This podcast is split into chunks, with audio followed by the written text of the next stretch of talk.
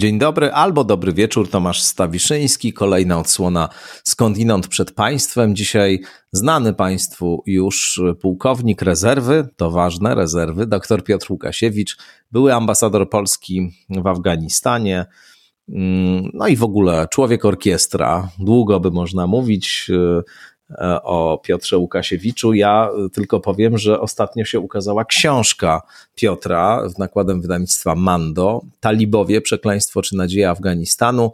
Bardzo, bardzo polecam Państwu tę książkę, świetnie jest napisana, dużo rzeczy o talibach, o których Państwo by sobie nawet nie wyobrażali że taka jest rzeczywistość. Mm, także polecam serdecznie. No a dzisiaj rozmawiamy mm, o Zachodzie i Ukrainie bierzemy na warsztat tekst jednego z najbardziej modnych dzisiaj politologów, Johna Mersheimera, e, który to tekst e, dlatego jest ciekawy, że prezentuje pewną modelową postawę myślenia e, i działania również geopolitycznego. Mersheimer, który sam się określa mianem realisty ofensywnego, ma takie przekonanie, że mocarstwa prowadzą politykę cyniczną i mocarstwową. Położenie państwa jest jego przeznaczeniem. E, walczą silni pomiędzy sobą i jakoś się ze sobą układają, ale to jest układanie się z rozsądku, a nie z powodu tego, że na przykład system wartości jest taki, że demokracja to coś dobrego, a nie demokracja złego. No i on e, w 2014 roku tekst napisał, e, o którym będziemy rozmawiali na początku i no, zobaczą Państwo, co, co dalej. W każdym razie, właśnie o tym rozmawiamy, czy Zachód odpowiada za to, co się dzieje w Ukrainie teraz, czy nie odpowiada, jak się powinien zachować, jak się zachowa. Mm, mnóstwo tematów, jak zwykle, w rozmowie z Piotrem Łukasiewiczem poruszamy. Ja dziękuję tradycyjnie patronkom, patronom, e, subskrybentkom, subskrybentom za wszelkie finansowe wsparcie.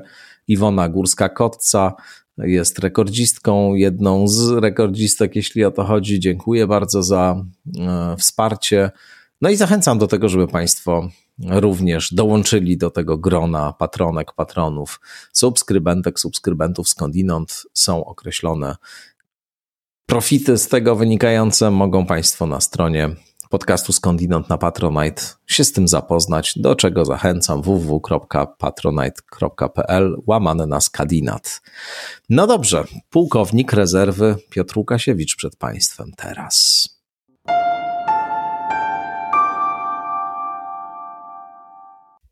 Dzień dobry Piotrze.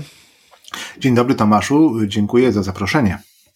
Bardzo mi miło, że zaproszenie przyjąłeś. Już nie po raz pierwszy oczywiście w skądinąd gościsz. Masz swoją stałą grupę słuchaczy, którzy czekają, aż się pojawisz. Mogę ci zdradzić, więc na pewno się ucieszyli, że kolejna rozmowa, zwłaszcza, że y, rozmawialiśmy tutaj przed wybuchem wojny w Ukrainie. No a wojna już od dłuższego czasu trwa i jesteś jednym z gości na shortliście do rozmawiania właśnie na te tematy, więc e, cóż, dużo poświęciliśmy czasu na teoretyczne rozważania o wojnie, a teraz możemy to skonfrontować wszystko z tym, co się dzieje, niestety, oczywiście, ale zaczniemy od e, tekstu, który mi przysłałeś, który będzie takim punktem wyjścia E, a może nawet punktem odniesienia w ogóle dla tej naszej rozmowy. To jest tekst Johna Mersheimera, to jest e, politolog amerykański, profesor e, Uniwersytetu Chicagowskiego. W ostatnim czasie wielka gwiazda, jeśli można tak powiedzieć, politologii, czy też geopolitologii. Mamy po polsku dwie jego książki wydane: Wielkie Złudzenie i Tragiczna Polityka Mocarstw. E, jest to e, autor, który reprezentuje podejście, które nazywa ofensywnym realizmem. E, przeciwstawia ten ofensywny realizm liberalizmowi, zwłaszcza temu liberalizmowi w wydaniu amerykańskim. No i interesuje się, jako się rzekło, geopolityką właśnie. Powiada, świat rządzony jest przez wielkie mocarstwa. Wielkie mocarstwa działają we własnym interesie, zainteresowane są tym, żeby zabezpieczać swoje interesy i swoje funkcjonowanie. czy tego chcemy, czy nie, tak rzeczywistość wygląda i w związku z tym należy się zachowywać E, zgodnie z rzeczywistością, a nie z naszymi wyobrażeniami na temat rzeczywistości. Tekst, który mi przysłałeś, nazywa się Why the Ukraine Crisis is the West's Fault. The Liberal Delusions That Provoked Putin, ale uwaga, to jest tekst opublikowany w wrześniowo-październikowym numerze Foreign Affairs, tyle że w 2014 roku. No i Mersheimer tutaj powiada, że to, co się wtedy stało, czyli aneksja Krymu, wprost wzięła się z polityki amerykańskiej, polityki Sojuszu Północnoatlantyckiego. Nie należało po pierwsze rozszerzać NATO, mówi, po drugie nie należało pompować pieniędzy w zaprowadzanie demokracji na Ukrainie, co robili Amerykanie i nie tylko Amerykanie. Nie należało E, irytować e, Władimira Putina. Ukraina jest strategicznym terenem dla Federacji Rosyjskiej. Żaden mówi, e, żaden mówi Mersheimer, lider rosyjski, polityk rosyjski nie zgodziłby się na to, żeby Ukrainę włączyć do Sojuszu Północnoatlantyckiego. Żaden nie pozwoliłby na to, żeby tutaj amerykańską demokrację zaprowadzać. Mieszanie się jest e, niepotrzebne. Jeśli się nie skończy, no to te, ta eskalacja będzie następowała. Podobnie jak Amerykanie nie zgodziliby się na to, żeby na przykład Kanada czy Meksyk zostały przyłączone do jakiegoś sojuszu e, wojskowego, e, który założą Chiny, Podobnie i Rosja nie może się zgodzić na to, żeby Ukraina znalazła się w sojuszu e, tworzonym, czy takim, który opiera się w ogromnym stopniu na e, Ameryce. I znowu on powiada tak: Podoba wam się to, nie podoba wam się to, to nie ma znaczenia. Ukraina chciałaby do Zachodu, czy by nie chciała, to nie ma znaczenia. Musi zrozumieć, w jakim jest położeniu. To położenie determinuje jej los. E, niczym trawestując Heraklita, który powiadał, że charakter jest przeznaczeniem, to tutaj położenie geopolityczne jest przeznaczeniem. Nic z tym nie zrobimy, zamiast, e, zamiast pogrążać się w różnych iluzjach, powinniśmy to uznać. To, co Zachód powinien zrobić, to już ostatnie zdanie tej rekapitulacji tego tekstu. To, co Zachód powinien zrobić, to ewentualnie e, promować taką ideę właśnie neutralnej Ukrainy, takiej, która jest buforem pomiędzy światem zachodnim a, a Rosją właśnie. No i co ty na to? tak obrzydziłeś profesora Mersheimera, że w zasadzie można już tylko używać w tej chwili wyrazów. E, wyrazów. Może niektórzy, wiesz, uznali, że ojej, jaki realistyczny profesor właśnie. Ja trochę się może pochwalę e, własnym artykułem, gdzie pod adresem Putina na portalu Krytyki Politycznej, gdzie pod adresem Putina używam grubych wyrazów i pod adresem również profesora Mersheimera używam grubych wyrazów, więc, więc może, może on to kiedyś przeczyta i się na mnie bardziej jeszcze obrazi. Rzeczywiście ta, ta rekonstrukcja jego, jego poglądów y, jest y, to jest realista, owszem, realista ofensywny. Politologowie czy też znawcy stosunków międzynarodowych znają taką teorię, według której państwa walczą między sobą o, e, o potęgę.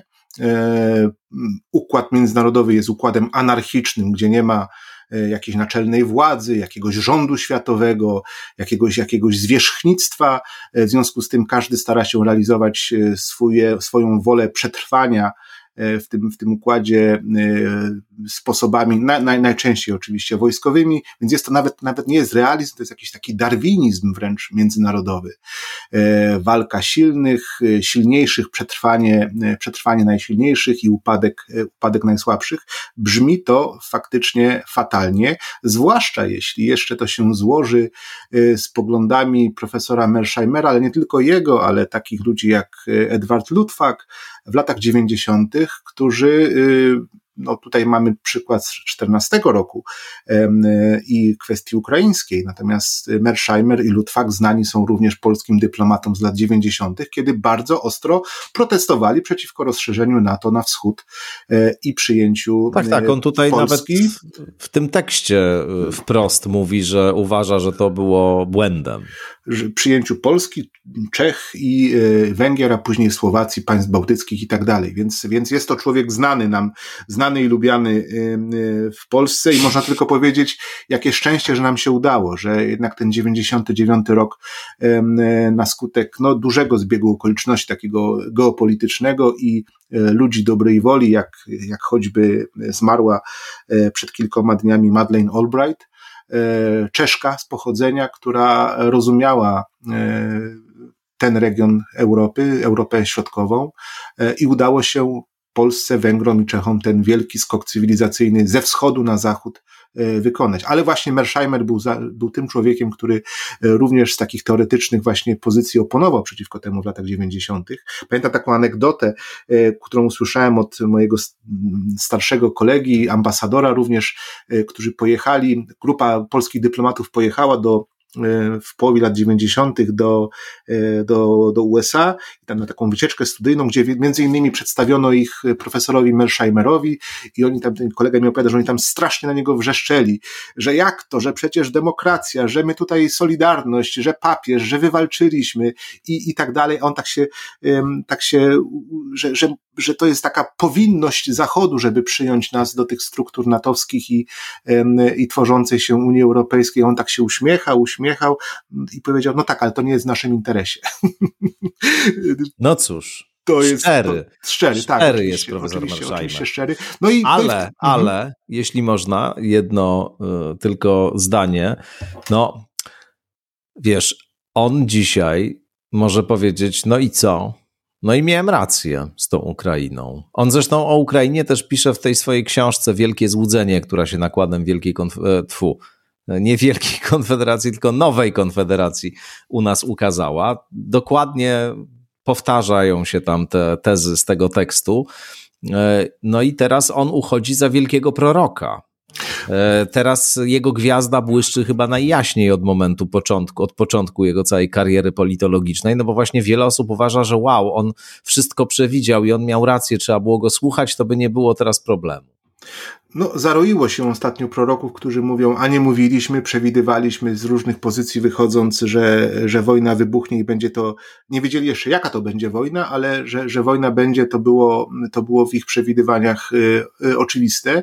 Y, no, można zawsze powiedzieć, znaczy, będę starał się w tej rozmowie naszej trochę starać się zbijać te, te argumenty Mersheimera. Oczywiście, co do zasady, on się e, nie pomylił, w tym sensie, że jeśli uzna się e, Rosję za Putina, za przywódcę państwa, które boi się, że zostanie napadnięte przez inne państwo, czy też blok państw zachodnich, no to uprzedzające uderzenie na Ukrainę było w tej logice jak najbardziej, e, jak najbardziej słuszne i tutaj oczywiście y, trzeba oddać Mersheimerowi, że i, jego, jemu podobnym, że tego rodzaju konstrukcję myślową znaną w polityce, znaną w historii stosunków międzynarodowych, w historii świata, że on ją postawił.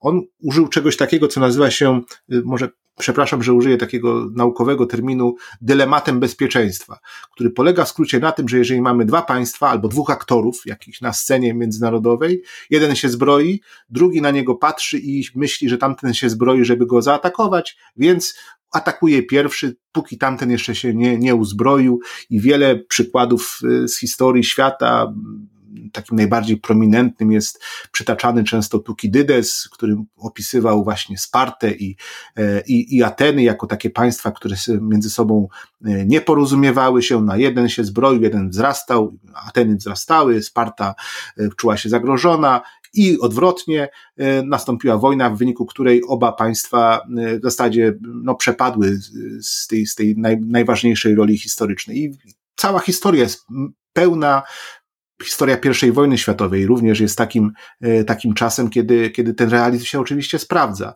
E, kiedy państwa po prostu wmaszerowały w I wojnę światową, Wielką wojnę światową, e, sądząc, obserwując się wzajemnie i nie rozumiejąc, co te, co sąsiedzi, co aktorzy tak naprawdę robią.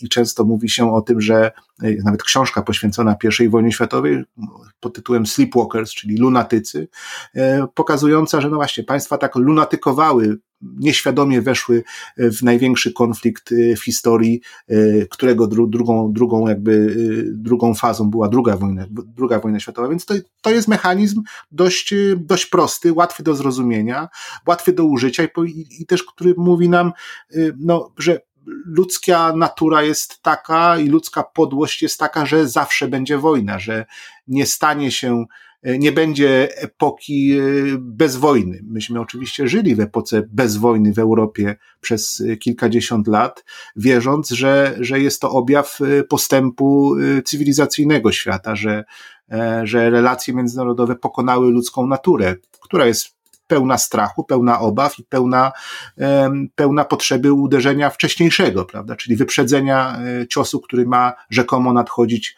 e, z drugiej, z drugiej strony. I w tym sensie, kiedy mówiliśmy na początku o, e, o realizmie, ja mówię o darwinizmie po prostu, no bo to, to, to jakby to jest granie na najgorszą, najgorszą stronę na ludzkie okrucieństwo i skłonność do okrucieństwa i skłonność do stosowania okrucieństwa w, te, w tym celu, żeby zapewnić własne istnienie. Tutaj ja bym, ja bym tutaj y, tak to sformułował, jeśli chodzi o stanowisko Mersheimera i, i to stanowisko przeciwne, które też będziemy tutaj rekonstruować, które, jak rozumiem, obydwaj y, dzielimy, to przeciwne wobec, wobec Mersheimera, no bo tutaj w istocie chyba y, przeczytałem ten tekst bardzo uważnie, który, który mi przesłałeś. To jest bardzo e, wnikliwy opis sytuacji. On rzeczywiście rozumie, jak działa ta polityka, wie, jak działa Putin, e, dobrze rozpoznaje to wszystko, co e, w, charakteryzuje politykę, politykę Federacji Rosyjskiej. Tylko jakby spór, jak rozumiem, pomiędzy, nazwijmy to, nami a Mersheimerem nie leży w tym, e, jak jest, tylko leży w tym, jak być powinno. To znaczy, tu, tu jest ta zasadnicza różnica, bo, bo ja się absolutnie zgadzam. On napisał prawdę, tak to faktycznie wygląda, że Putin tego chce, że taka jest, taka jest ta, ta sytuacja. Natomiast e, no, istotna, istotne jest pytanie, czy, czy my mamy właśnie się zgodzić na coś takiego, czy mamy się zgodzić na świat, w którym właśnie ta brutalna siła dominuje, powiedzmy, czy my jednak wolimy, żeby świat wyglądał inaczej, kierujemy się innymi po prostu wartościami w polityce międzynarodowej. On najbardziej nie cierpi tego krzewienia demokracji na świecie przez Stany Zjednoczone. To skądinąd e, polityka, która ma wielu krytyków, e, także wśród takich radykalnych, lewicowych myślicieli. E, I żeby nie było jednym głosem z Mersheimerem, dzisiaj mówi Noam Chomsky na przykład, tak. czy Naomi Klein, wiesz, oni mówią dokładnie to samo w zasadzie. No. Ale tutaj, no właśnie, tak byś zgodziłbyś się na taki opis, że, że powiedzmy na poziomie tego, jak jest, to mamy zgodę, natomiast niezgoda jest na poziomie tego, jak być powinno. Również niezgoda jest, ja stawiam, może gdzie mi tam do kłócenia się z Mersheimerem, ale, ale stawiam również y, taką, postawiłbym tezę, że również opis tego, co wydarzyło się po wojnie, czyli takiego zjednoczenia Zachodu, oparcia tego, tej koalicji zachodniej na pewnych wartościach, postrzegania również y, Ukrainy jako, jako podmiot, y, jest no, przeciwieństwem tej realistycznej polityki, bo jednak państwa się e, no, podniosły tą podmiotowość Ukrainy i cały czas ją podnoszą e, w, w, w próbie skontrowania, skontrowania Rosji. Ale może jeszcze zanim dojdziemy do, e, do, do, do zbijania argumentów Mersheimera i, i jemu podobnych, ja bym chciał jeszcze powiedzieć, bo tu się jakby tak złożył ten aspekt teoretyczny, który przedstawia Mersheimer, ale również inni, Stephen Walt, wspomniany Ludwak, e, z pewnymi wydarzeniami konkretnymi, które również mogłyby, mogłyby zostać zakwalifikowane do tej kategorii Zachód sprowokował Putina, albo Zachód wywołał wojnę, albo jest winien wojny w Ukrainie. E, I to są wydarzenia z 2021 roku. E, bardzo często pojawiały się wówczas zwłaszcza kiedy ten, ten, w tym okresie, kiedy narastało napięcie, kiedy Rosja gromadziła swoje siły wokół Ukrainy, e, kiedy to napięcie wzrastało, kiedy tak próbowaliśmy zrozumieć, co się dzieje, pojawiło się, pojawiło się kilka interpretacji, również tutaj w Polsce, które mówiły, Biden za mocno naciska. E, Amerykanie y, za mocno grają Ukrainą, za mocno wsparli, na przykład Biden za mocno wsparł e, Zeleńskiego, prezydenta Zeleńskiego, który bodajże 1 września ubiegłego roku był w Białym Domu, dostał tą upragnioną nagrodę, jaką jest wizyta w Białym Domu i uścisk jego ręki jego lokatora. E, I z tamtej wizyty, z tamtego, z tamtego spotkania Zeleński miał rzekomo wyjechać wzmocniony, przekonany, że Ameryka jest po jego stronie, że Biden jest po jego stronie, zatem on może rozpocząć działania w Donbasie, e, próbując jakoś no, zmienić tę sytuację, e, gdzie no, e, Rosjanie zajmują Donbas i w zasadzie utrzymują taki ten, utrzymują Ukrainę w stanie takiej niby wojny wojny prawdziwej, bo przecież tam ginęli ludzie, a no ale postrzegany jako taka, taka niby wojna, taki trochę konflikt zamrożony, można tak powiedzieć. I, no i fak, faktycznie wtedy um, to były taki ciąg wydarzeń, że do, Zeleński pojechał do, do Waszyngtonu, y, przywiózł rzekomo jakąś obietnicę wsparcia. Pojawiły się kilka incydentów wojskowych w Donbasie, chociażby z, takie słynne już z początku października y, zniszczenie przez y, ukraińskie drony zakupione wcześniej w Turcji, te słynne Bayraktary, które dzisiaj już znamy bardzo dobrze z Twittera i z, i z YouTube'a, ale wtedy po raz pierwszy Ukraińcy ich użyli przeciwko artylerii separatystów y, prorosyjskich w Donbasie, zniszczyli kilka stanowisk ogniowych i to był taki dowód, że, y, znaczy dowód, jakiś pewien sygnał, że, że Ukraina szykuje jakąś, jakąś, nie wiem, ofensywę przeciwko prorosyjskim separatystom. A więc znowu, że tutaj ten, ten ciąg myślowy, ciąg ciąg logiczny był taki, że Biden za mocno wsparł Ukrainę, więc no, Rosjanie reagują w zasadzie, yy, chcą przeciwdziałać temu, temu próbie odbicia Donbasu. E, również te, to, to, te przemówienia Bidena z ubiegłego roku, kiedy pamiętacie, pamiętamy wszyscy, jak nazywał e, Putina killerem, tak, zabójto, to było to słynne w połowie roku, kiedy, kiedy zapytany przez dziennikarzy, czy to jest killer, no powiedział, tak, to jest killer, e, Putin jest killerem i to było takie, no odebrane oczywiście przez Rosjan z wielkim, z wielkim oburzeniem, więc mówiono, no Biden trochę przesadza, no w końcu rozmawiamy, mówimy o przywódcy świat, przywódcy mocarstwa atomowego, może za ostro, może, może za bardzo naciska. Biden przecież cały czas całą prezydenturę pierwszy rok jej oparł na, na zorganizowanym pod koniec roku y, szczycie dla demokracji, e, gdzie usiłował zarysować taką opozycję między państwami autorytarnymi, a państwami demokratycznymi. Myśmy w Polsce się bali, że nas nie zaproszą, jeśli pamiętasz tą, tą, tą rozmowę gdzieś e, z końca roku. W końcu nas zaprosili, no ale to, tak. to był jakiś taki e, nawet pewnego rodzaju spotkało się z pewnym, w kręgach liberalnych, z pewnym y, takim zdumieniem, no jak to przecież nie zaprosili Węgier, a zaprosili Polskę. Ta, ta rozmowa również w Polsce się odbywała. Więc było jakby kilka takich elementów polityki amerykańskiej w ubiegłym roku, które troszeczkę współgrały z tym, y, z tym, z tym, z tą tą koncepcją drażnienia Rosji, y, rozszerzania tym razem nie rosyjskich, ale amerykańskiej strefy wpływów e, na Ukrainę i w tym takim te, ta interpretacja realistyczna pojawiała się również po, jakby po naszej stronie. Więc to się, e, to się, to się trochę, e, no skoro mamy też, też tam pojawiały się takie konstrukcje, też takie teoretyczne trochę, że skoro Ukraina jest sojusznikiem amerykańskim, a Ameryka jest sojusznikiem ukraińskim, Ukraina jest oczywiście tej młodszym bratem, czy też młodszym, mniejszym partnerem, to pojawiała się taka interpretacja, że że Ukraina może wciągnąć USA w konflikt, prawda? Ewentualnie, że, no, że że USA wypycha Ukrainę do konfliktu, że to będzie trochę, trochę taka wojna zastępcza. Czyli krótko mówiąc, Biden drażni Putina przy pomocy Ukrainy. E, tego rodzaju rozmowy miały miejsce, one składały się właśnie z tym, na, ten, na ten obraz tych, tych, tych koncepcji teoretycznych, o których, o których, od których wyszliśmy e, i, i oczywiście, no i doprowadziły w końcu do wojny. Czyli nie, nie, nie twierdzę, że, te, że, że Biden faktycznie sprowokował Putina do wojny, ja się z tym nie zgadzam, ale jednak, e, jednak takie, no, takie, takie, Wiesz, takie jest, sygnały były. Jest taka, jest taka teoria spiskowa, że właśnie to wszystko Amerykanie zrobili, wiedząc, że teraz Rosja jest e, słaba, e, jeszcze e, mając w perspektywie jakieś potencjalne układy z Chinami mające osłabić tę Rosję, po to właśnie to wszystko zrobili, żeby biedny Putin się wyłożył na Ukrainie.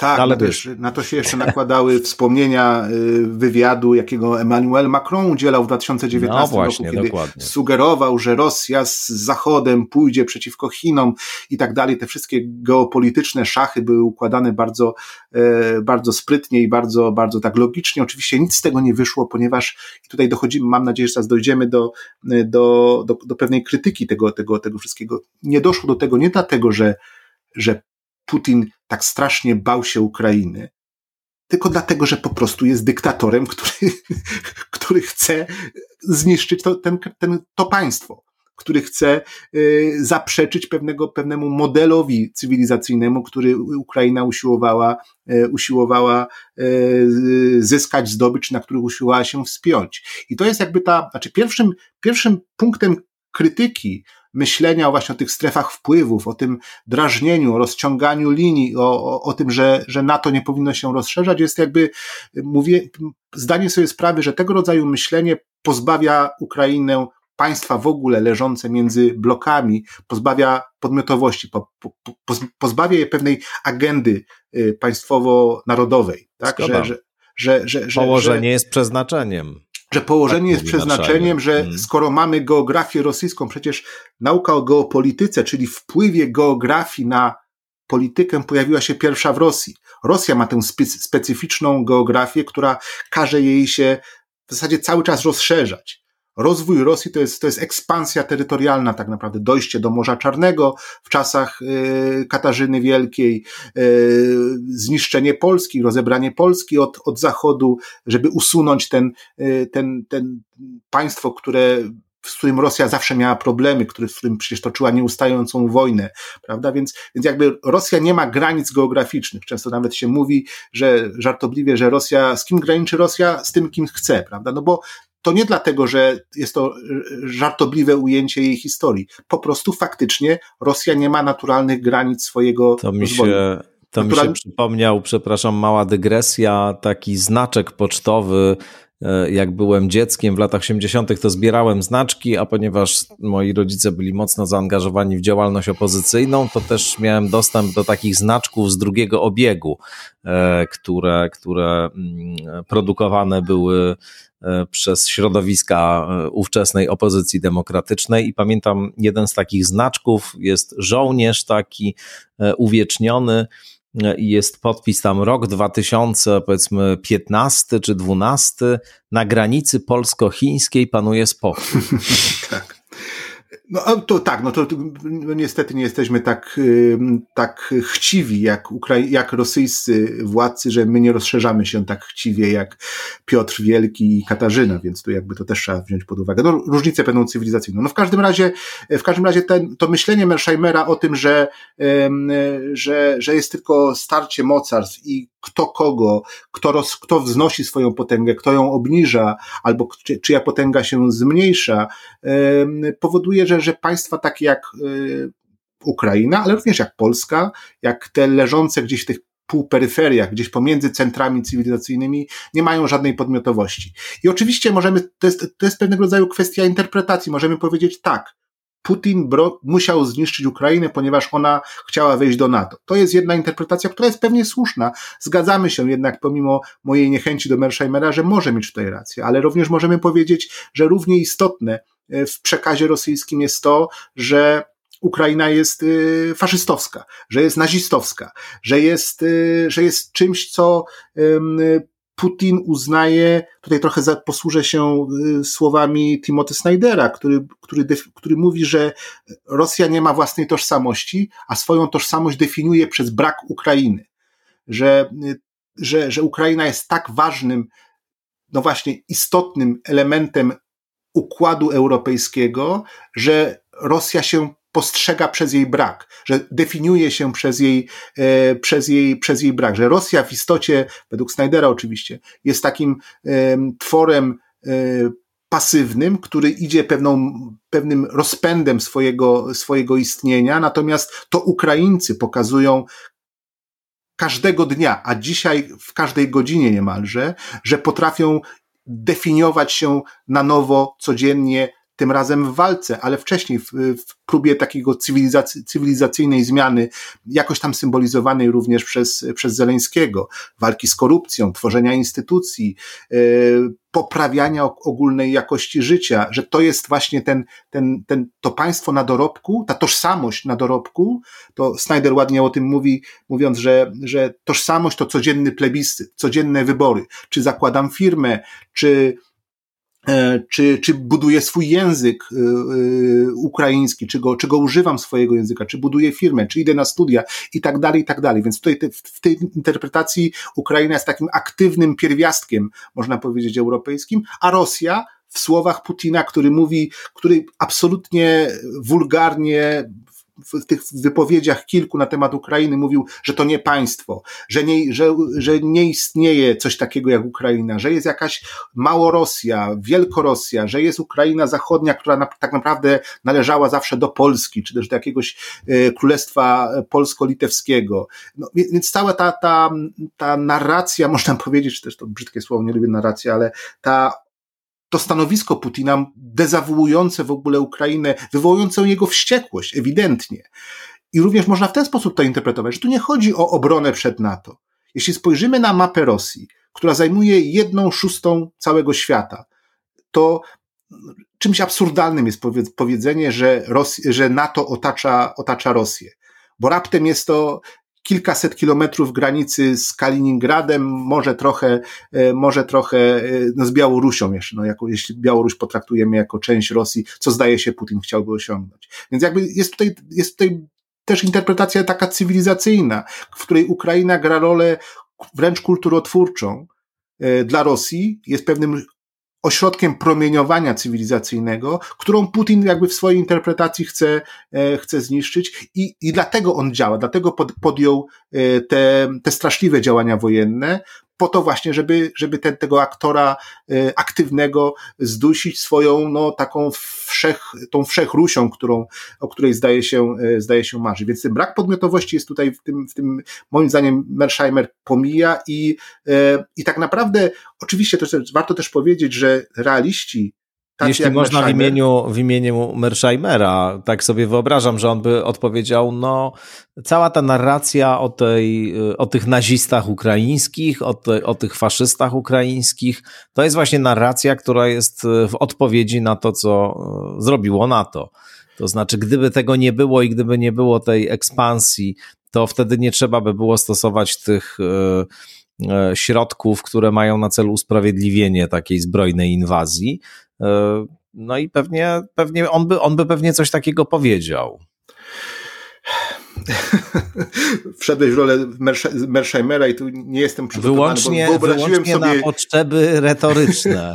wyobraziłem sobie retoryczne. ciebie jako, jako, jako, jako Mersheimera, że są Polecam Państwu wejście na stronę e, profesora Mersheimera, gdzie on swój portret prezentuje, znaczy na, na, nałożono ich z własnej głowy na, e, na strój i na słynny portret Machiavellego, e, co jest też trochę pokazuje w, w jakim kierunku, jak się widzi profesor, profesor Mer, Mer, Mer, Mersheimer. Ale jest jedna jeszcze teza, chyba taka o mhm. polityce, mhm. którą on głosi, taka właśnie makiaweliczna też że te, te wielkie mocarstwa, tak jak powiedziałeś, one, one realizują politykę y, po pierwsze współzawodnictwa, a po drugie takiego bardzo cynicznego dbania o swoje interesy. No i w sumie jak patrzymy na tą politykę międzynarodową, zwłaszcza dzisiaj przez pryzmat tego, co się dzieje, przez pryzmat tego, że tej Ukrainy tak na poważnie wojskowo, to nikt nie obroni przed Rosją. Oczywiście są sankcje, wszystko, co można zrobić bez tego militarnego wsparcia, no może nie wszystko, ale sporo jest robione. Ale wcześniej mamy tą historię jednak układania się z Putinem, robienia z nim interesów, pomimo tego, że od dawna było wiadomo, że to jest po prostu zbrodniarz. To jest człowiek, który zabija swoich oponentów, który stosuje środki no kompletnie poza jakimkolwiek standardem etycznym. No ale to wszystko robiono po to, żeby jakoś e, różne kraje, różne swoje e, dobra i interesy zabezpieczały. Więc jakby być może też jest tak, że w tej diagnozie e, realistyczno-brutalnej, że mm, to jest świat potwornie cyniczny, ta polityka międzynarodowa, to ten Mersheimer ma jednak rację. Owszem, oczywiście, ale też warto znaczy tutaj się wkradają się pewnego rodzaju interpretacje moralne, które bardzo trudno jest y, stosować do polityki międzynarodowej faktycznie, zwłaszcza w takim ujęciu, um, ujęciu realistycznym, ale nawet sam Mersheimer nie jest od, od nich nie stroni, bo on w pewnym momencie tego artykułu, artykułu pisze i zresztą w innych wypowiedziach swoich i, i inni realiści ofensywni to powtarzają. No, my oczywiście cieszymy się, że istnieje coś takiego jak demokracja liberalna, ponieważ w niej żyjemy. To jest ten przywilej posiadania stylu życia, który już mamy, i jakby nie, nie, nie czyniąc drugiego kroku, że ten styl życia zakłada również, że innych traktujemy podobnie. Nie można być szczęśliwym Amerykaninem, nie można być szczęśliwym Francuzem, Europejczykiem, powiedzmy będącym w Unii Europejskiej, jeśli odmawiamy tego innym.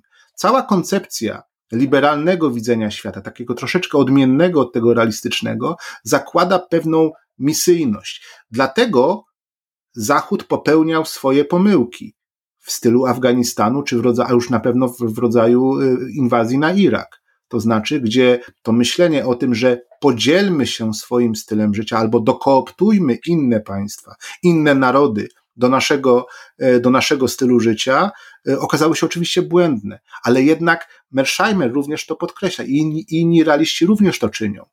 E, mówiąc, że po pierwsze, oni w ogóle też usprawiedliwiają się, mówiąc, że absolutnie potępiają napaść na, e, na, e, na, na Ukrainę i że to jest ten tragizm dziejów, że oni absolutnie się z tym nie, nie, nie podpisują się pod tym, no tylko, że opisują, że tak powiem, mechanizm, mechanizm polityki międzynarodowej, czy też w ogóle wojny, wojny w relacjach między, międzynarodowych. Więc jakby się też usprawiedliwiają, ale również wprowadzając zatem pewnego rodzaju oceny moralne E, tej, e, tej, e, tej, tego układu między, międzynarodowego. Ale znowuż, przede wszystkim mówią o tym, że, no, że są już państwa, którym się udało. Zdaje się, że w myśleniu Mersheimera chyba już Polska jest takim państwem, tak? Czyli nasz, tutaj te, te, te, te, te, ta grupa państewek, które gdzieś pomiędzy Rosją a Zachodem, które weszły do NATO, które przekroczyły tę linię, Mówiąc państewek, nie, oczywiście nie, nie, nie staram się tu jakoś nikogo obrazić, po prostu mówię o pewnej skali y, tych bytów pomiędzy, pomiędzy wielkimi centrami cywilizacyjnymi. Y, I on zdaje się już zaczyna to akceptować, że również, że, że ci, którym się udało, no, no dobra, już są. Aczkolwiek realiści na przykład słusznie mówią, i to tak jako wojskowy mogę to potwierdzić, że niesłychanie trudno będzie bronić państw bałtyckich na przykład, jeśli chodzi, jeśli chodzi o NATO. I to, że, że jedyne na czym się opiera bezpieczeństwo państw bałtyckich, czyli już członków NATO, członków Unii Europejskiej, członków tej rodziny liberalnych państw, jest pewnego rodzaju, no, czy obietnica że się za nimi ujmiemy w myśl artykułu słynnego artykułu 5 e, Traktatu Północnoatlantyckiego. Ale znowuż, Mersheimer pokazując, znaczy próbując tak bardzo zimno oceniać, jakie są mechanizmy napaści jednego państwa na drugi, jednak uwzględnia, że jest coś takiego jak wartości że, że one jednak y, stwarzają również pewną rzeczywistość. I tutaj dochodzimy do jakby do sedna, y, może nie tyle krytyki, czy też prób, ja bym to powiedział, nazwał bardziej próbą zrównoważenia tego ostrego stanowiska e, realistycznego, e, no, no w tym, że tak Zachód y, w sposób tak zjednoczony, jak, jak do tej pory przynajmniej tak widzimy to zjednoczenie, i jednak mówiąc nie o o strefach wpływów, że Ukraina jest strefą wpływów cywilizacji zachodniej, ale jednak, y, no jednak się zjednoczył na właśnie na bazie tych wartości. I przynajmniej deklaratywnie y, mówi, pokazuje, że Ukraina nie dlatego jest ważna dla nas, że, mm, że jest naszą strefą wpływów, że boimy się, że, że, że chcemy ją przygotować lepszą pozycję do ataku na Rosję, tylko wręcz przeciwnie, codziennie podkreślamy, że Ukraińcy w sposób fenomenalny broniąc się, bronią również naszego, naszego stylu życia. Gdzieś za tym wszystkim kraj, kryją się pojęcia takie jak wojna zastępcza. Być może nawet liber, libera, liberałowie międzynarodowi mogliby nawet to powiedzieć, że to jest pewnego rodzaju wojna zastępcza Zachodu z Rosją, czy też Zachodu z, z państwem autorytarnym, czyli dokładnie tak, jak przedstawia to przedstawia to e, prezydent Biden i przywódcy zachodni, zachodni w ogóle. E, kolejną, kolejnym takim punktem, znaczy punktem krytycznym, no, jeśli byśmy kontynuowali tak naprawdę myśl Mogę, zanim jeszcze kolejny mhm. punkt, znowu jeszcze się odnieść do tego, co mówiłeś, bo tutaj oczywiście jest pytanie, jaka jest za to cena, którą gotowi jesteśmy zapłacić, za, za obronę tego sposobu myślenia, tych wartości, takiego postrzegania e, Ukrainy, właśnie.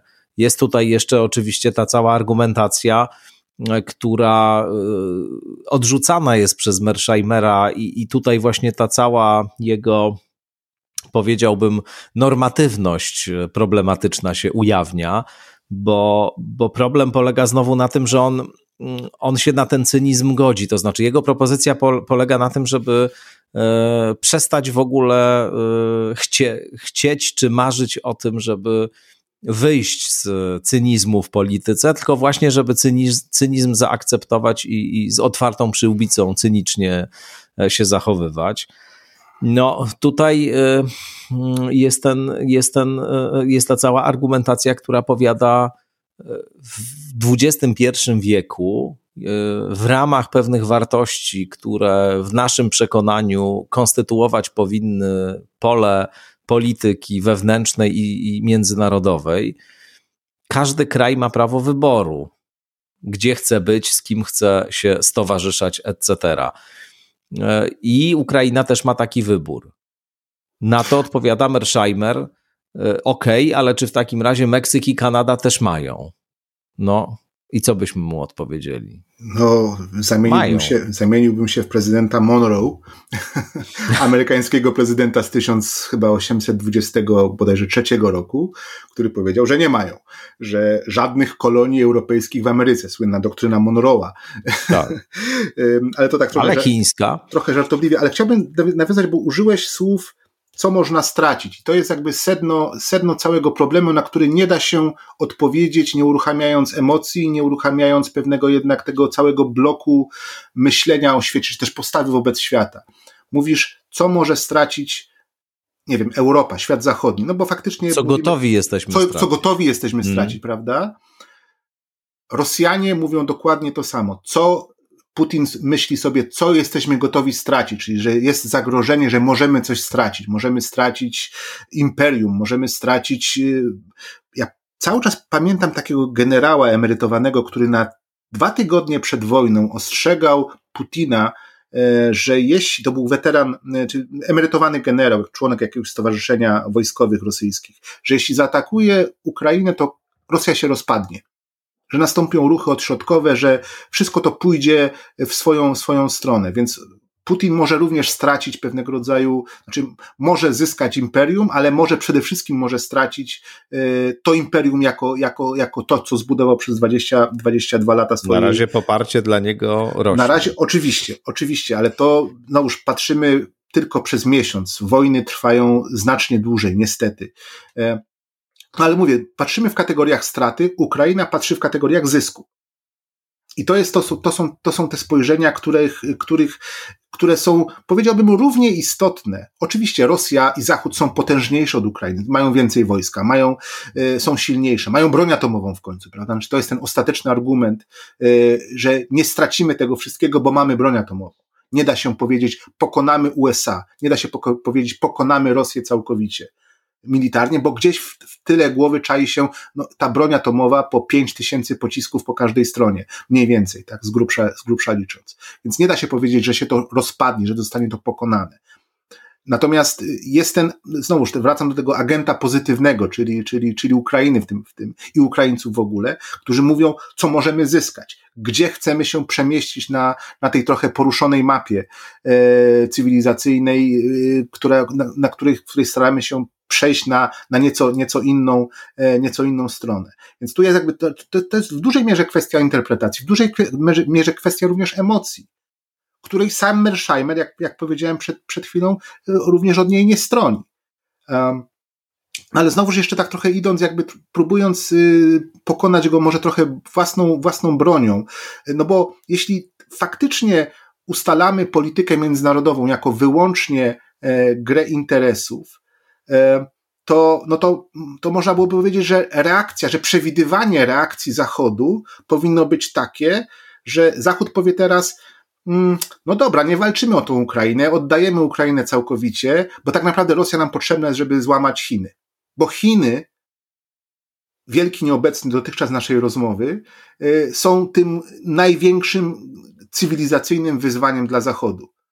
Dlatego Biden próbuje y, związać Europę, Kanadę y, z Ameryką, Australię, Indię próbuje również wciągnąć w ten, w ten, w ten sojusz, bo wie, że Ameryka sama sobie z Chinami, yy, przewiduje, że Ameryka sobie z Chinami sama nie poradzi. Po prostu tam jest półtora miliarda ludzi, a tu jest tylko tam 350 milionów, tak, Amerykanów, którzy, przeciwko którym stoją owszem, wciąż jest jeszcze różnica technologiczna. E, Chinom łatwiej jest awansować cywilizacyjnie, bo, bo wychodzą ze znacznie niższego poziomu w ciągu ostatnich kilkudziesięciu lat. Ten rozwój Ameryki oparty jest wyłącznie w tej chwili o wysokie technologie, o te zaawansowane, e, wyrafinowane osiągnięcia cywilizacyjne. Ale jednak logika dziejów byłaby taka, że no, tam jest główne zagrożenie, że w Chinach czai się główne zagrożenie dla interesów e, Ameryki. No więc w takim twardym rozumieniu trzeba byłoby powiedzieć, panie Putin, bierz pan Ukrainę, ale idziemy przeciwko Chinom e, razem, bo zresztą Chiny również zagrożą prędzej czy później, prędzej czy później Rosji. Więc nagle wychodząc z tego takiego doraźnego miesiąca wojny i starając się wyjść e, w, w perspektywie dłuż, w perspektywę dłuższą, e, realizm powinien tak właśnie zadziałać. Tak powinna wyglądać tworzenie koalicji zachodniej z Rosją, Wspominaliśmy o Macronie przed, przed, przed, przed chwilą, który zdaje się również w takim, w takim kierunku chciał iść, e, w, myśląc o roli Europy w przyszłości w ogóle w XIX roku. E, I no, no, gdzie jest to myślenie? Więc skąd ta zaciekła obrona e, Ukrainy przed, przed rosyjską, e, rosyjską agresją?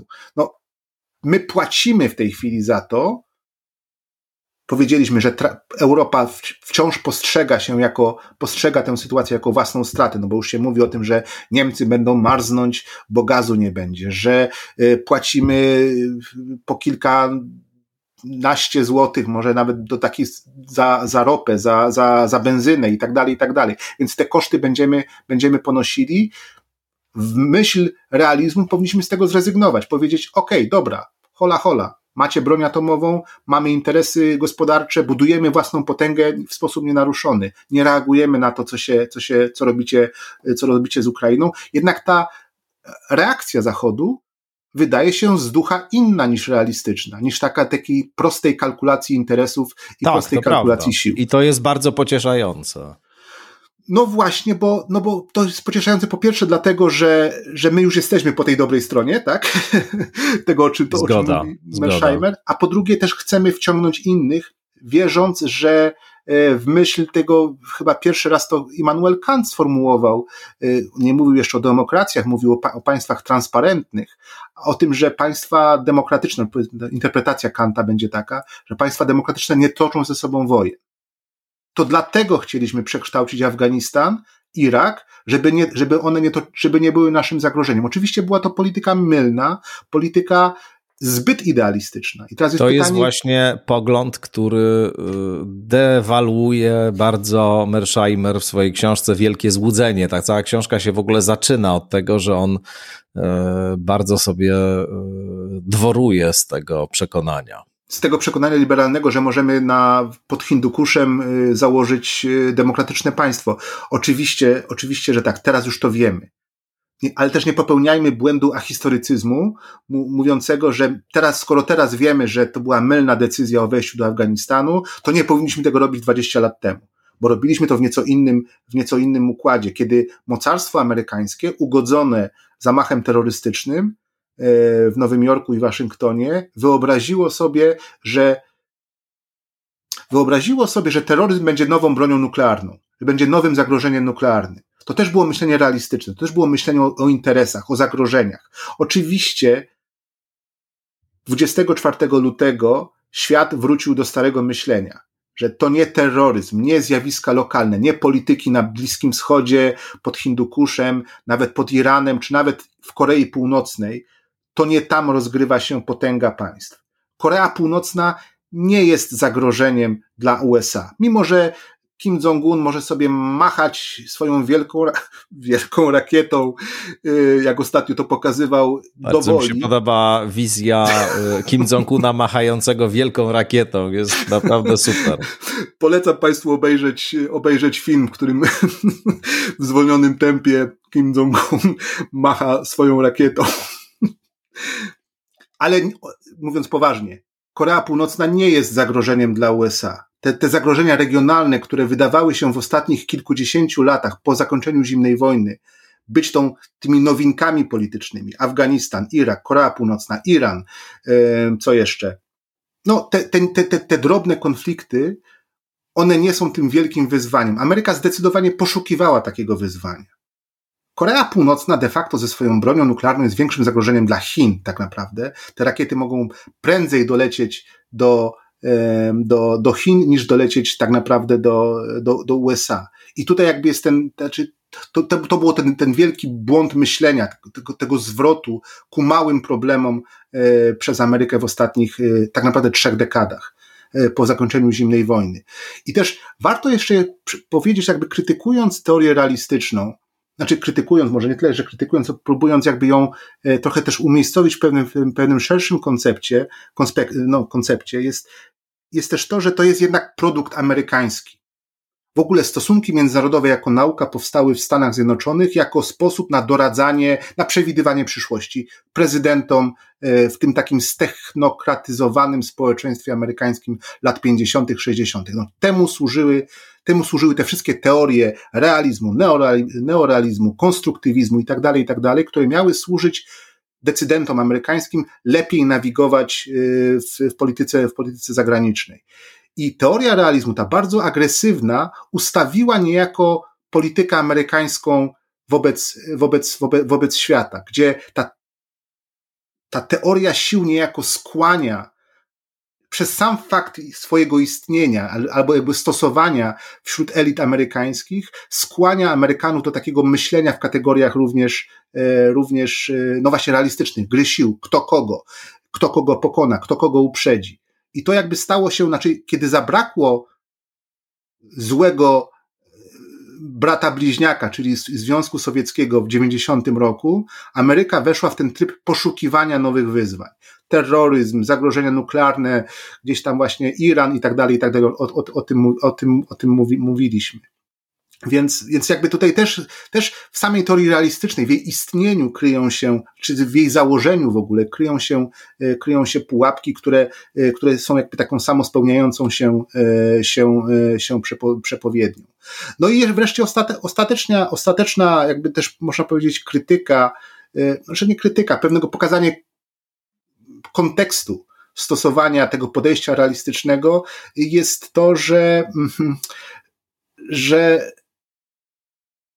no, że zdecydowanie Rosja w tym ujęciu realistycznym nie przygotowała się do wojny takiej pra- z prawdziwego zdarzenia. Znaczy to, co widzimy po miesiącu walki, to nie jest tylko i wyłącznie sprytna propaganda ukraińska, pokazująca po raz setny ten sam rozwalony czołg e, rosyjski, tylko to jest, to jest konkret w postaci ukazania, że ta realistyczna rzekomo Rosja nie przygotowała się do realistycznej rzekomo wojny że błędne kalkulacje wywiadowcze, słyszymy o tym, że Putin zamyka oficerów wywiadu, generałów wywiadu w aresztach domowych, ponieważ, e, ponieważ nie dostarczyli mu właściwej oceny sytuacji w Ukrainie, e, że są kłopoty z, z, demo, z, z morale armii rosyjskiej, która jest po prostu nieprzygotowana do, do tego rodzaju konfliktu, która była przez 30 lat Putin z, razem z Szojgu i innymi tworzyli armię e, kryzysową na tłumienie przede wszystkim słynne wojska powietrzno-desantowe, e, desantne e, wojska rosyjskie są de facto wojskami karnymi, do, do, jako, jako kompanie karne do tłumienia, do tłumienia zamieszek, raczej niż do, tymi, spe, tymi elitarnymi specnazowcami, którzy mieli pokonać y, państwo słabe, państwo nieprzygotowane, państwo y, niebronione w zasadzie takie jak, takie jak Ukraina. Więc jakby tutaj też mamy, możemy też tak pokazać ten kontekst realistyczny. No skoro ten realizm jest faktycznie grą na potęgę, na wzmacnianie własnej potęgi, no Rosja się z tego wyłączyła. Rosja nie weszła w ten, w ten wyścig, no bo, no bo po prostu dostaje y, według innego wielkiego myśliciela y, y, politycznego, czyli boksera Mike'a Tysona, każdy ma plan, dopóki nie dostanie w zęby. Rosja dostaje po zębach w tej chwili. To jest bardzo, bardzo głęboka myśl. Właśnie. To jest bardzo Profe głęboka profesora, profe profesora Tysona. Profesora Tysona, ale dokładnie to się, to się dzieje, więc znowuż mamy kolejną jakby warstwę, no, nie chcę powiedzieć, że absolutnego zaprzeczenia E, tej koncepcji Mersheimera, ale jednak warto ustawiać to w nieco innych, w nieco innych kontekstach również. No tak, to myślę jest e, kompetentna i rozległa dekonstrukcja tego sposobu myślenia, który nie powiem chyba dosyć uwodzicielskiego, sądząc po rosnącej popularności Mersheimera i tego, że on właśnie powoli staje się modnym niezwykle autorem także w Polsce, bo w Polsce, jak powiedziałem, mamy te jego książki mm, jedną z tych książek, Wielkie Złudzenie, to jedna z takich jego najbardziej znanych prac i, i, takich, w których on wykłada tę swoją koncepcję od A do Z, została wydana przez środowisko Nowej Konfederacji, czyli takiej centroprawicy tutejszej polskiej. To jest niesamowite, muszę powiedzieć. To jest spełnienie hmm. leninowskiego y, sprzedajmy Zachodowi sznur, na którym się sam Zachód powiesi. To trochę, trochę, trochę zamiłowanie do Mersheimera i do takiego realistycznego podejścia do stosunków, owszem, jest błyskotliwe, bo na YouTubie to się dobrze ogląda, te, tych kolejnych polskich geopolityków i, e, i twardych, ofensywnych realistów. E, oni mają całe koncepcje przesuwania pionków na mapie i to rzeczywiście błyskotliwie czasami potrafią to, potrafią to sprzedać, ale to jest sytuacja kurczaka, który radzi innym, jak zostać ugotowany na rosół, tak? Znaczy, jak, jak stać się rosołem troszeczkę. No tak, bo, tak, bo, bo to oczywiście jest dobre podejście, jak się mieszka w Stanach Zjednoczonych na przykład i można sobie wtedy tam siedzieć e, i, i rozważać tego typu kwestie. Natomiast jak się jest tutaj na skrwawionych ziemiach, odwołując tak. się do tego sformułowania z tytułowej, tytułowego z książki Timothy'ego Snydera, no to oczywiście to, to jest zupełnie inna perspektywa. Wiesz, mnie cały czas frapuje jedno tak naprawdę. Mm, na ile to jest po prostu y, narzędzie, które pozwala rzeczywiście pewne y, zjawiska przewidywać. To znaczy, na, na ile to jest w takiej warstwie opisowej, właśnie nie w warstwie normatywnej, bo tutaj się z tym nie zgadzamy, ale na ile to jest w warstwie opisowej coś takiego, co rzeczywiście jak będziesz myślał sobie o tych wszystkich państwach, jako o takich cynicznych graczach, na ile to ci pozwoli przewidzieć przyszłość. No, faktycznie to, co się teraz wokół Ukrainy dzieje, jednak trochę falsyfikuje to podejście. To znaczy, mamy ten Zachód, który, który jednak e, nakłada sankcje, jednak w sposób bardzo stanowczy się temu przeciwstawia, jednak jednoczy się e, przeciwko Putinowi, izoluje Rosję i tak dalej. Oczywiście pytanie, na ile to jest długotrwałe, na ile realne nici e, biznesowe, takie związane, nie wiem, choćby z rynkiem energetycznym zostaną przecięte pomiędzy Zachodem a Rosją, na ile to realnie skuteczne będzie, na ile to w ogóle wiesz, cokolwiek zmieni, no bo ja bym mierzył jednak to wszystko poprzez pewną skuteczność, czy to faktycznie tej Ukrainie pomoże, czy to jej nie pomoże, zobaczymy. Tak. Mm, no, no ale ja właśnie, ostatnio... na, na, ile wiesz, jak się przyjmuje taką perspektywę takiego skrajnego po prostu cynika i kogoś, kto, kto właśnie bez złudzeń na to wszystko patrzy, to, to na ile to jest coś takiego, co po prostu ci pozwala pewne zjawiska przewidywać. Ja ostatnio sobie nucę jakąś taką kretyńską, sentymentalną piosenkę Powiedz mój miły, jak to się skończy.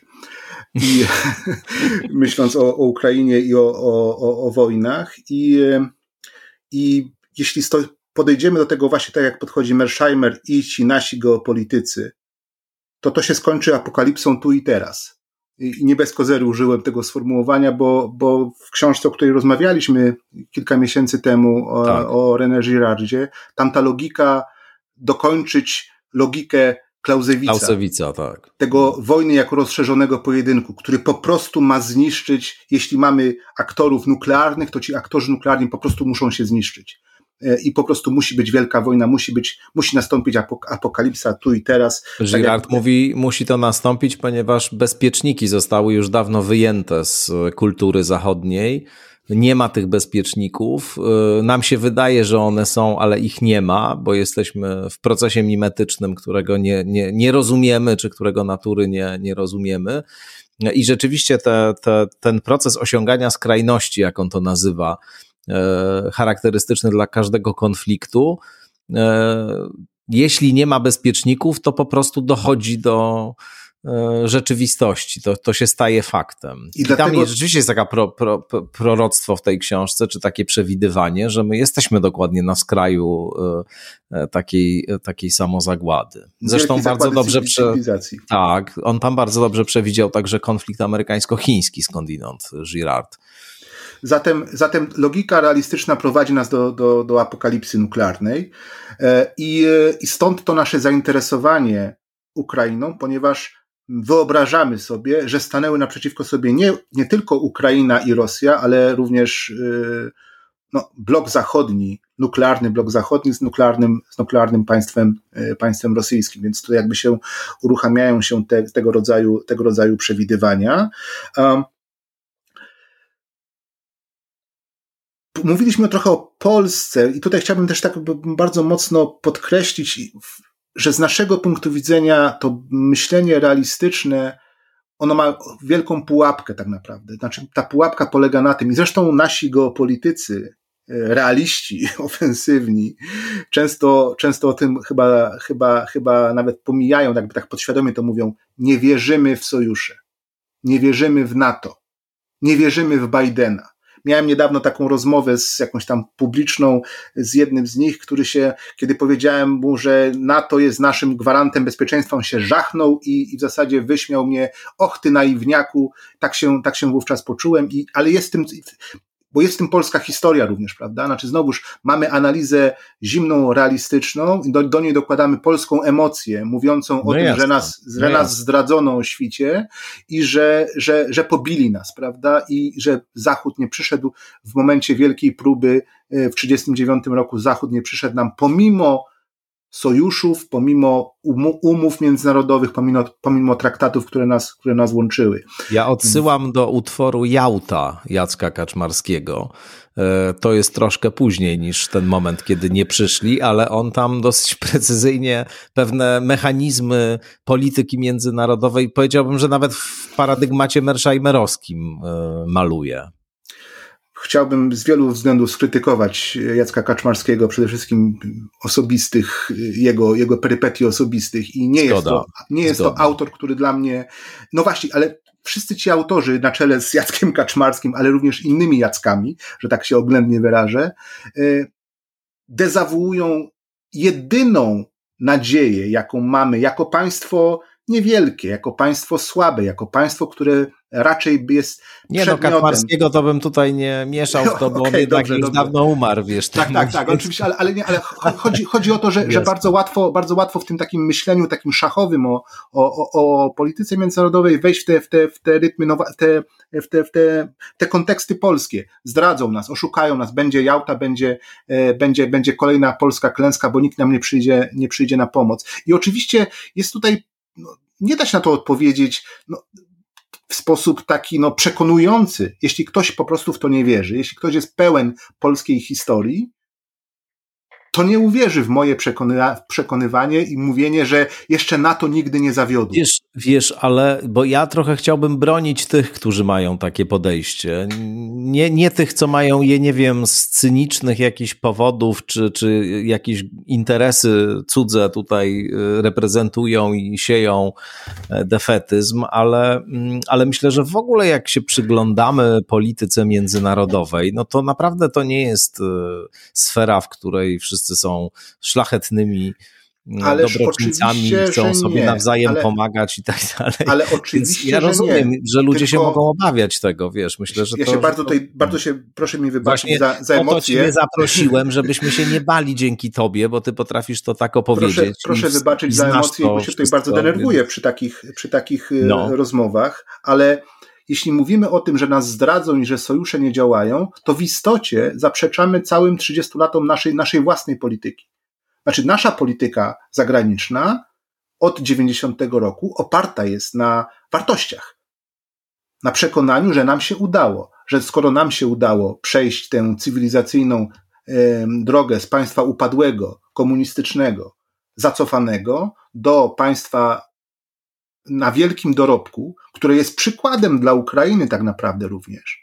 Tego, tej drogi. Przecież nie, nie bez kozery Ukraińcy się powołują, czy też patrzą na Polskę. No może nie w ostatnich pięciu latach tak, tak specjalnie, ale patrzą w sumie, patrzy się na Polskę jako, jako wzór y, cywilizacyjnego przejścia z jednego bloku, z jednej cywilizacji, że tak przywołam Huntingtona i jego starcie cywilizacji do drugiej prawda? Więc, więc my, mówiąc o tym, że nas zdradzą, że sojusze nie działają, de facto zaprzeczamy y, dowodom, jakim jest 30-letnia historia Polski demokratycznej, dostatniej i bezpiecznej.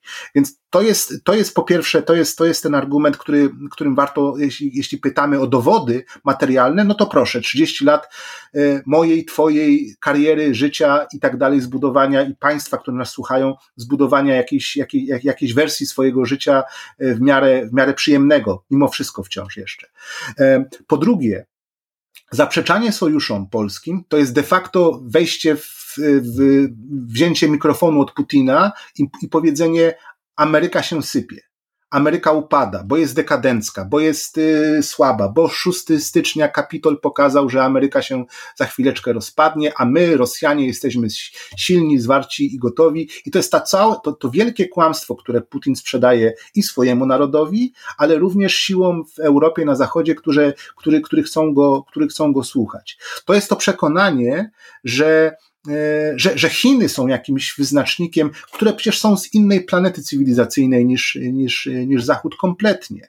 I nigdy nie będą, e, nie będą dla nas odniesieniem, a jednak wśród ludzi dezawuujących te, te polskie sojusze, czy też w ogóle sojusze zachodnie, jest jakiś taki, taki zachwyt nad Chinami. Jakby one miały stać się e, jakimś za, zamiennikiem E, cywilizacji zachodniej, w której się, e, w której się znaleźliśmy, albo której, w której jesteśmy po prostu. Nie, nie znaleźliśmy się, w której po prostu jesteśmy. Więc my krytykując sytuację, w której rzekomo Polska się miałaby znaleźć, nie tylko przeczymy faktom z polskiej historii ostatnich 30 lat, ale również usiłujemy wprowadzić nas w, w, w, w, taką pewną mentalność imperialną, której Polska nigdy nie będzie miała. Polska nigdy nie będzie imperium. Była imperium, kiedy miała Ukrainę tak naprawdę, mm. w XVII, XV, XVI wieku. Wtedy była imperium, bo miała Ukrainę z jej wielkimi, z jej, z jej wspaniałym czarnoziemem. I dlatego Polska była uznawana za imperium i za spichlerz europejski, bo miała Ukrainę. Bo tu na ziemiach y, Lachów nie było specjalnego, nie było specjalnie czego eksportować. Może jeszcze Słowianie, Piastowie eksportowali niewolników w różne strony, w różne strony świata. No w każdym razie już nie, nie, nie żartujmy z tego mocno, ale, ale, ale tego rodzaju myślenie kryje w sobie te pułapki i z przeszłości, i to nie jest interpretacja. Ja się, ja się zgadzam. I z przeszłości również. Ja się zgadzam z Tobą, to znaczy, tylko myślę, że tutaj są dwa wymiary tego. Ty mówisz o tym, jak e, polityka polska, międzynarodowa w tej sytuacji powinna wyglądać i jaka powinna być narracja e, polskich polityków e, rządzących w tych sprawach. I tu się z Tobą absolutnie zgadzam, że są sojusze, są e, umowy, e, są alianse i po prostu w ten sposób należy postępować i, i tyle. Natomiast myślę, że mm, ludzie mogą też mieć pewne obawy. My możemy sobie dywagować o różnych sprawach, możemy się przyglądać różnym kwestiom i, i zastanawiać się, jak to, jak to będzie wyglądało.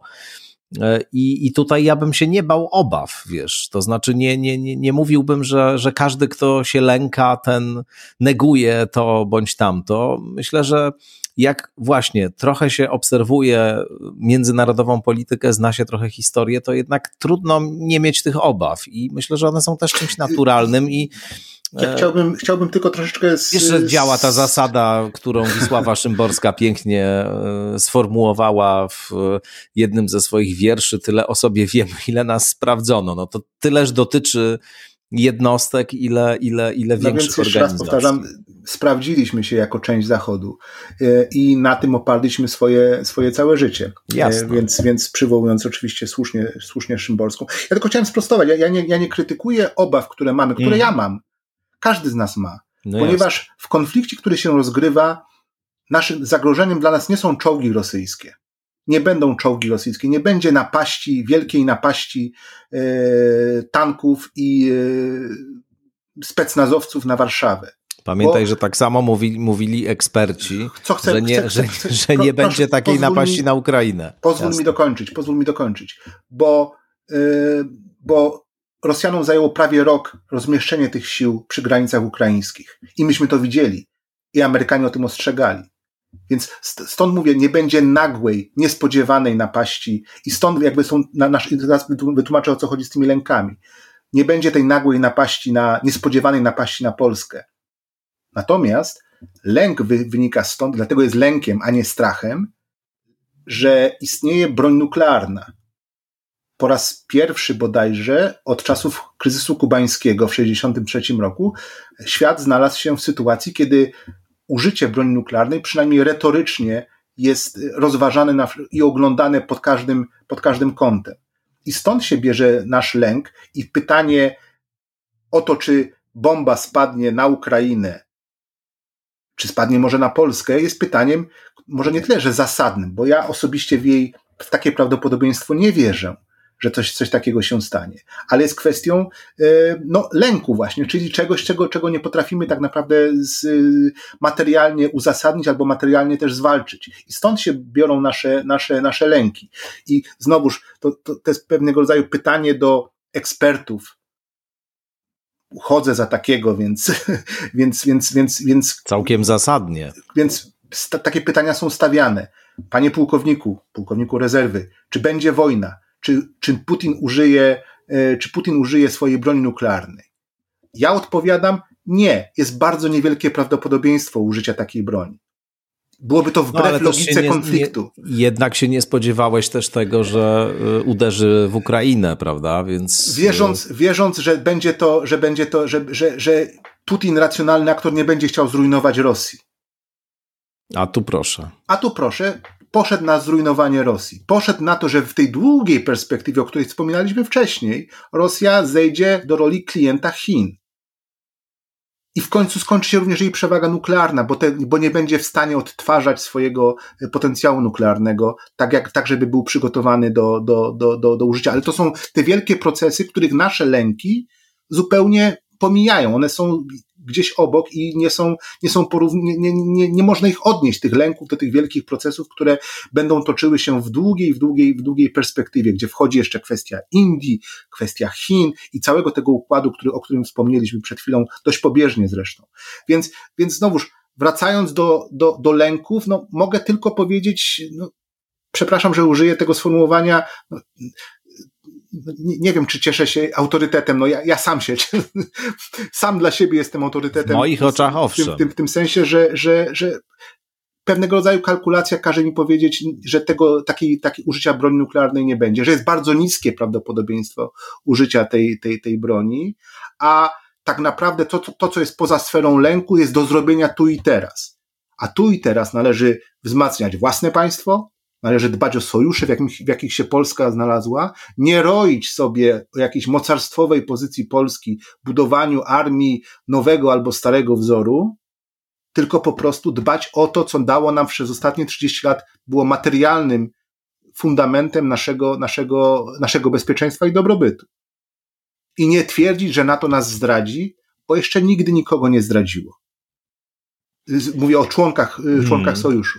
Mm. Więc no, być no może ja no, jestem pierwsza zwolennikiem... Taka, pierwsza taka sytuacja, kiedy, kiedy może być wielkie sprawdzam, nie? Tak. I stąd te lęki. No bo znowuż, bo, hmm. bo, bo, bo wielokrotnie to podkreślamy w naszej rozmowie, że jest broń nuklearna gdzieś do użycia prawda? I gdzieś ona, gdzieś ona wisi, no, ktoś by zacytował niemodnego i skancelowanego już Gogola, że, że, że wisi na ścianie strzelba, tak? Strzelba nuklearna.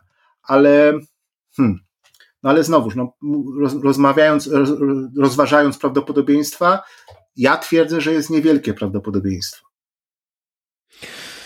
No tak, no, no to, to, to oczywiście... Nie wiem, czy tym uspokajam, nie wiem, czy tym uspokajam kogokolwiek. Samego siebie być może trochę, ale... Y, nie, no tak, no oczywiście w rzeczywistości y, realizują się niekiedy właśnie scenariusze o bardzo nikłym prawdopodobieństwie. To jest ten problem związany z tym, że czasami kalkulacje się nie sprawdzają. No właśnie dlatego się nie sprawdzają, że my e, stawiamy na scenariusze o najwyższym prawdopodobieństwie, a, a bywa, że właśnie te o najniższym się re, e, realizują. Na, więc... na naszych oczach realizuje się scenariusz pewności wojny, pewności trwania tak. czegoś takiego albo istnienia czegoś takiego jak wojna. I przekonania, że konsekwencją stosunków międzynarodowych, tą, na, tą ostatecznym celem polityki zagranicznej jest wojna. To się zmaterializowało na naszych oczach. Wojna jest powtarzalna. Wojna nie zniknie, jak mówią e, szczęśliwi liberałowie w rodzaju Pinkera, tak, że twierdzący, że wojny już nie będzie, albo wojna e, straciła, traci znaczenie. No, właśnie się pan Pinker powinien teraz mocno zweryfikować swoje, swoje, swoje, swoje tezy. O tak, natomiast, natomiast, bez wątpienia. Natomiast no, mamy, y, no to, więc mając pewność wojny, wojna jest przyszłością, tak? piękne, piękne tak, określenie. Można takiego, takiego, takiego sformułowania Powiedziałem użyć. to z przekąsem oczywiście. Oczywiście, ja też to mówię z przekąsem, ale, ale tutaj ta pewność się sprawdza. Natomiast nie mamy pewności co do momentu, kiedy ona wystąpi. Zgoda, zgoda, zgoda. Oby nuklearna wojna w każdym razie nigdy nie wystąpiła, no bo to faktycznie byłby koniec świata po prostu. E, I w sensie dosłownym, i w sensie metaforycznym, i tego, który znamy, i z dużym prawdopodobieństwem tego świata w ogóle. Więc może nie dojdzie do tego, mam szczerą nadzieję. I generalnie mówię ci, zgadzam się absolutnie e, z tym, jak powinna wyglądać ta polityczna narracja czy, czy polityczna postawa. Jednocześnie też, też jakoś rozumiem, że, że można się różnych rzeczy obawiać i, i że na przykład jak się patrzy na to, jak tego Putina tutaj hodowano przez e, ostatnie lata, przymykając oczy na różne jego bezeceństwa, no to tak e, traci człowiek wiarę w, no ale z drugiej strony, co mieliśmy zrobić w 2010 roku? Kiedy był ten moment, kiedy Zachód powinien za, zareagować? W 2008, nie no, my to tam, wiesz, my to co my tam 2010, 2014, no. oczywiście to narastało i znowu się buduje takie poczucie tego skrótu historycznego. Hmm. 2008 Gruzja, 2014 yy, Ukraina, 2022 Ukraina ponownie. Ma, wymieniłem to w ciągu 5 sekund, a trwało, zajęło to 14 lat i popełniając ten błąd skrócenia historii, próby zapisania jej na jednej kartce, popełniamy błąd stawiania ocen moralnych przeszłości i wyobrażania sobie przyszłości, że, że ta przyszłość nastąpi szybciej niż się jej spodziewamy. Bo ta, którą, o której mówimy, no właśnie, zajęła mi 5 sekund na wymienienie historii politycznej yy, Rosji przez ostatnie 14 lat. Więc wyobrażamy sobie, że ta przyszła historia będzie równie szybka, że może być równie szybka. I to jest ten błąd, który popełniamy. Po prostu popełniamy błąd skracania historii i skracania przyszłości. Bardzo dobrze, że zwróciłeś uwagę na ten błąd i podoba mi się w ogóle to określenie e, skracanie przyszłości, przeszłości. I to przyszłości. I przyszłości również, tak, i przyszłości również. Bardzo Ci serdecznie dziękuję za tę rozmowę. Dziękuję bardzo. Zapewne nie ostatnią wokół tego tematu, no bo jak sam powiedziałeś, jednak na widoku mamy e, długotrwałość tego procesu, w którym jesteśmy właśnie. Pułkownik rezerwy dr Piotr Łukasiewicz był Państwa gościem. Bardzo raz jeszcze Ci dziękuję. Dziękuję Piotrze. za zaproszenie, do, do usłyszenia. I Państwu też oczywiście dziękuję. Zachęcam do słuchania kolejnych i wcześniejszych też oczywiście odsłon skądinąd. Do usłyszenia.